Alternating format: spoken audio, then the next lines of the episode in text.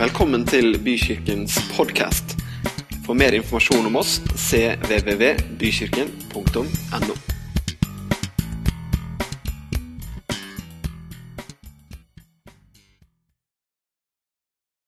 Det tror jeg altså du kanskje har da, noen ting som liksom en slags nerve inni deg som tenker at dette her dette vil jeg ha ut av livet mitt. Dette er liksom noe jeg kan gjøre. Selvfølgelig sammen med Gud, men det er noe jeg har inni hjertet som jeg kan gjøre. Og eh, Jeg vet ikke om, om, du har hatt det sånn en gang, men jeg har vært på møter i arbeidssammenheng da, der vi har diskutert en løsning på et problem vi har. Og så, eh, og så har jeg liksom ikke funnet ut løsningen sjøl. Men det å få noen andre utenifra som kommer med det, sånn, Kan vi ikke bare gjøre det sånn? Så jo, det kan vi jo faktisk gjøre. Det er faktisk mulig. Eh, det har jeg ikke tenkt på. Eh, og sånn er det med Gud. og Han kan komme inn i livet ditt og si kanskje, kanskje du skal gjøre det sånn i stedet.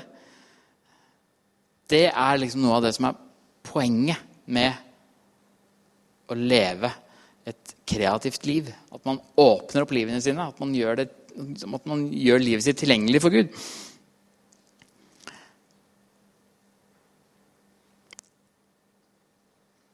Han ønsker å gi et annet perspektiv enn det vi klarer å komme med sjøl. Han ønsker å fylle de bildene våre med håp. Han ønsker en fremtid for oss. Han ønsker en endring i livene våre. Han ønsker at vi skal skape noe nytt. Det ligger liksom helt sånn implisitt at vi kan skape noe nytt med livet våre. Ikke bare la det slure og gå. Eh, og som jeg sa i vers 4, da, de skal bygge opp igjen gamle ruiner og gjenreise det som føl og øde. Det er ikke Gud som gjør den endringen, nødvendigvis. Det er vi som må gjøre det. Det er vi som skal bygge opp igjen livene våre.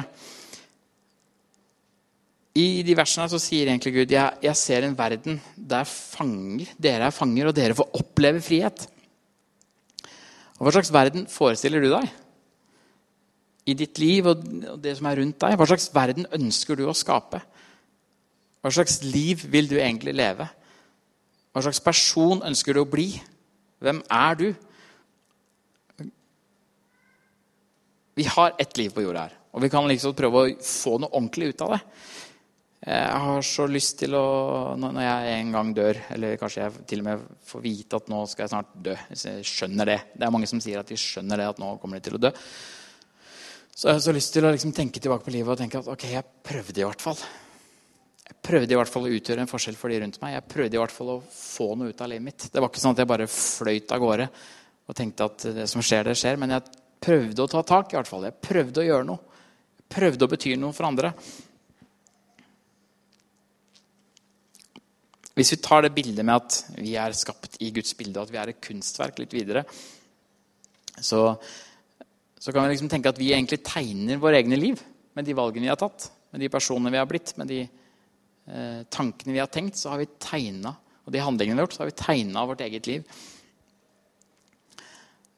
Og Eh, vi har fargelagt dem med litt farger her og der. Noen ting har kanskje blitt til litt sånn tilfeldig, andre ting har vi gjort helt bevisst.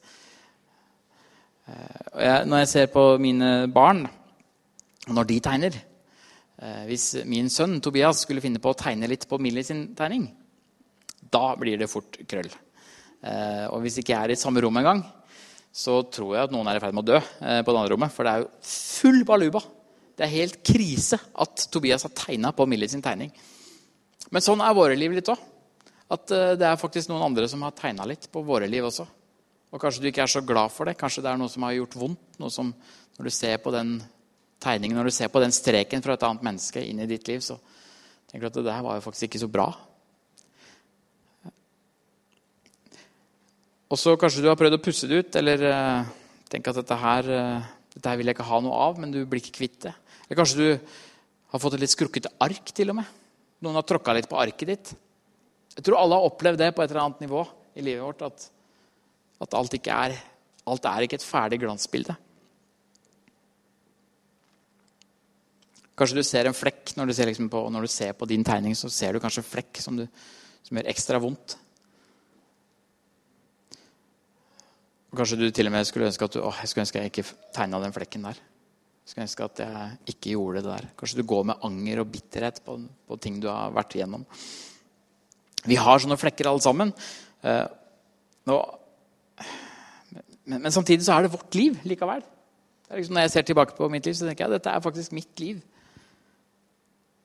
Og av og, når jeg ser på, Nå er ikke jeg noen sånn kunstkritiker, det må jeg være ærlig på. Eh, jeg, sånn, jeg går ikke og ser på abstrakt kunst og skjønner hva de prøver å fortelle meg. Eh, det kan være fint å se på, men jeg har ikke sjanse til å liksom få noe ut av det. egentlig. Eh, men Hva var det jeg skulle si noe. Jeg glemte, Beklager, nå datt jeg helt ut.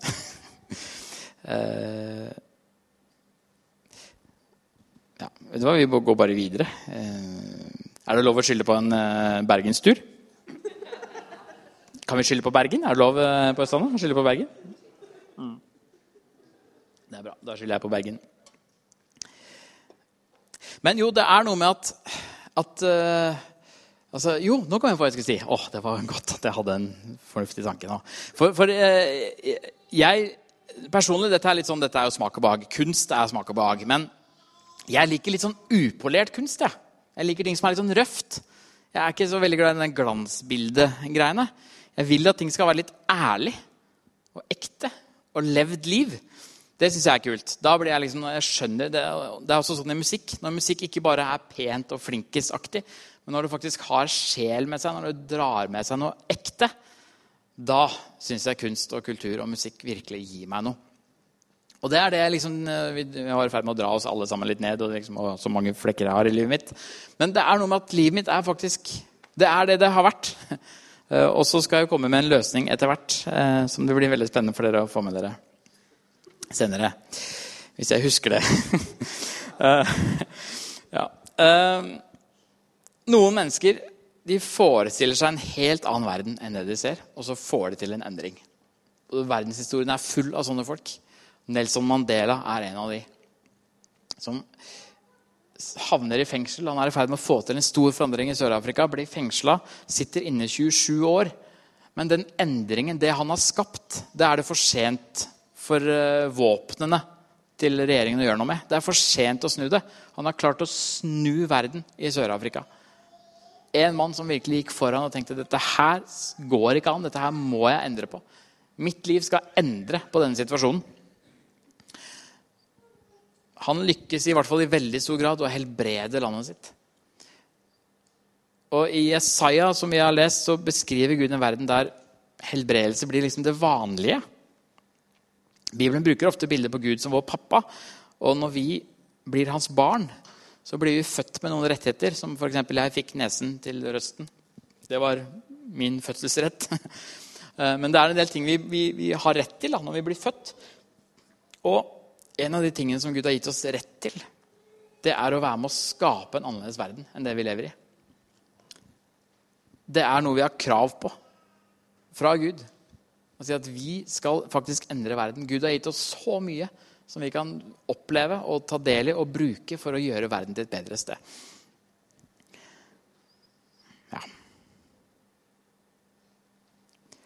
Da snakker vi ekte kreativitet. Da snakker vi ikke om eh, et meningsfullt bilde eller en fin musikksjanger. Da snakker vi om noe som kan endre livet til mennesker.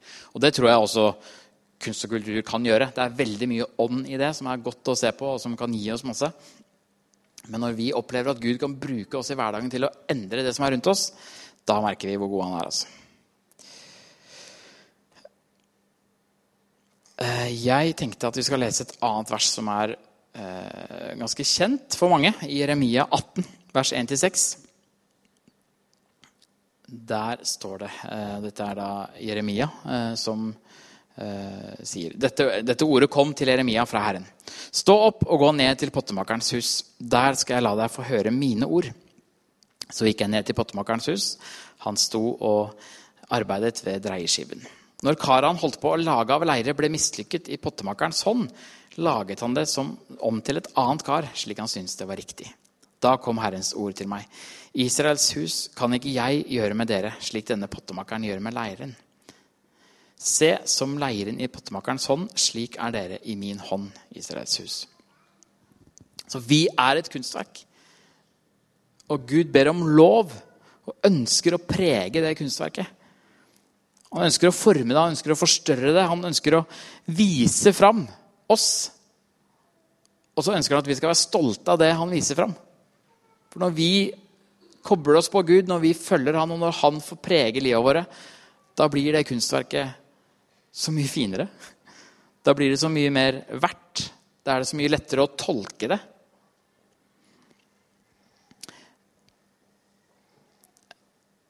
Eh, det er veldig gøy å se disse kreative prosessene der ideen kan bli gjort større, der løsningene kan bli bedre, der man kan få gjort mer. Eh, jeg har eh, en svoger og en svigerinne som i denne helga setter opp en svær musikal i Tønsberg. Alle folk spør hvordan i all verden har dere fått til det her. Det er jo mange som har prøvd, men har ikke vært i nærheten. Men de har bare gutsa på. Dette skal vi få til. 110 frivillige som står på scenen. Få med dere det, forresten, så er det sagt. Det er fortsatt muligheter i kveld. Men det å se folk som drives av en drøm, som ser at kan, vi kan skape en musikal Er ikke det vilt? Vi kan, vi kan gjøre, vi, vi, vi, kan skape en forandring. Og dette gjør de ikke bare for seg sjøl, men de ønsker at Tønsberg by skal liksom ta del i det her. Bli kjent med historien, eh, bli kjent med hverandre og bygge et stort miljø da, for, for, musikal og, kreativitet i, i, i Tønsberg. Og det er så gøy å se hvordan de kobler på Gud i dette også. Dette er ikke bare oss som gjør det her, men det er Gud er med oss. Det vi tenker som stort, kan bli så mye større når Gud får bli med. Og så er det sånn at Gud kommer med et spørsmål. Vi må ta det valget her sjøl. Det skjer ikke automatisk i livet vårt at Gud griper inn. Gud spør kan ikke jeg gjøre med dere slik den pottemakeren gjør med leiren. Kan ikke jeg få lov til å komme inn i livet ditt? Kan ikke jeg få lov til å ta bort de flekkene som du angrer på? Kan ikke jeg få lov til å gjøre dette ærlig og ekte? Men kan ikke jeg få pusse litt på det? Kan ikke jeg få rette opp i livet ditt? Han stiller oss det spørsmålet i dag. Kan jeg få være med? Kan, kan du være så snill å åpne livet ditt? Se hva det livet har å by på. Se hva jeg har tenkt at du kan få være med på. Gud har lyst til å stille oss ut for å vise seg sjøl. Gud har lyst til å koble disse tegningene sammen for å vise hvor stor han er. Hvor til stede han er i den verden vi lever i i dag. Det er så altfor mange som ikke har sett det. Den eneste måten vi kan få til det på, det er å koble oss opp til hans kreativitet. Inn i hans skapertrang skjønne at vi er skapt til å skape. Forstå at vi har en fremtid når vi følger ham. Og forstå at den fremtiden er kobla på at mennesker som ikke ser kunst engang, som ikke, som ikke har oppdaga hvorfor vi er skapt, de skal få kjenne at dette er faktisk sant. Gud skaper i dag. Gud, eh, vi kom nå fra Bergen, og det var et fantastisk fint flyvær. Så Først så fløy vi over fjell og daler. Jostedalsbreen helt sikkert. i hvert fall. Jeg er ikke så veldig god i geografi, men Jostedalsbreen den kjente jeg igjen. Den var svær. Og det var sånn tydelig at ok, dette har Gud skapt, og noen tusen liter vann og noen tusen år. Men så utrolig nydelig og prektig og mektig og flott. Og så kommer vi litt lenger inn, og så kommer vi til bebyggelse, og så ser vi å ja, det er faktisk mennesker også som skaper. Gud skapte oss for å skape. Han er så opptatt av det. At vi preger den verden vi lever i. Han skapte verden for at vi skal få leve i den. Og det er en fin tanke. Det, kanskje dere kan få komme opp nå, dere som spiller og synger. Så hvis du er her i dag som ser tilbake på ditt kunstverk, ser tilbake på ditt liv og tenker at her, her er det mye jeg angrer på. Her, jeg vil ikke se på det engang så finnes det en som kan hjelpe deg til å få det fint.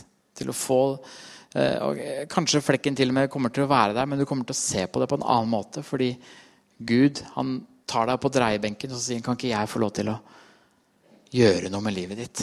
Kan ikke jeg få lov til å være til stede i ditt liv? Kan ikke jeg få gjøre ditt liv til et kunstverk som du kan være stolt av? Et kunstverk som kan bety noe for andre. Kan ikke jeg få lov til å skape den meningen i ditt liv. Og Hvis du er her i dag, så ønsker jeg at du rett og slett skal rekke opp hånda di.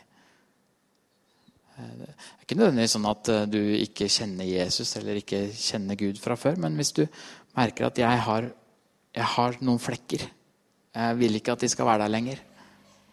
Jeg har så lyst til at livet mitt skal være åpent. Jeg har så lyst til at livet mitt skal bety noe for andre. Da syns jeg du skal rekke opp hånda di, og så skal vi be om at Gud tar deg opp på dreiebenken og fikser livet ditt. Alt blir ikke perfekt. Alt blir ikke en, det blir ikke et glansbilde. Vi klarer ikke å lage glansbilder, men vi klarer å lage ærlige liv. Liv som betyr noe for deg, og som betyr noe for andre, og som kan ære Gud på veien.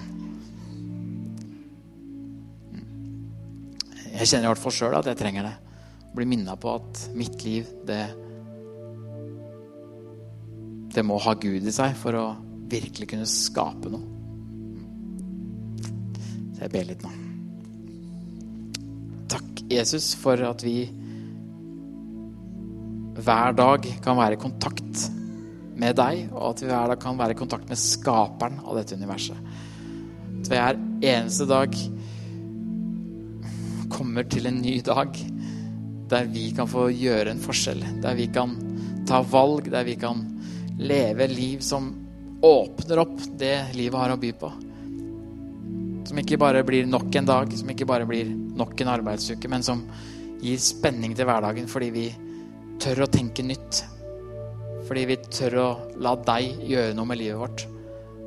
Takk for at vi med frimodighet kan si at vi er kunstverk. Du er stolt av oss. Du skapte oss for at vi skal få leve. For at vi skal ha en hensikt i det vi holder på med. At vi skal ta sjanser i livet vårt som gjør at vi får se hva du har å by på. At vi får oppleve en frihet i å ha møtt deg. Og at du gir oss en framtid der vi kan endre vårt liv og de livene som er rundt oss. Jeg ber om at det skal være noe som preger alle oss som bor her. Alle oss som er her i dag. At vi skal få merke at når vi åpner opp til deg, og når vi gir deg muligheten til å forme oss, så skjer det noe. For du skaper gjennom oss, og vi er skapt for å skape nye ting.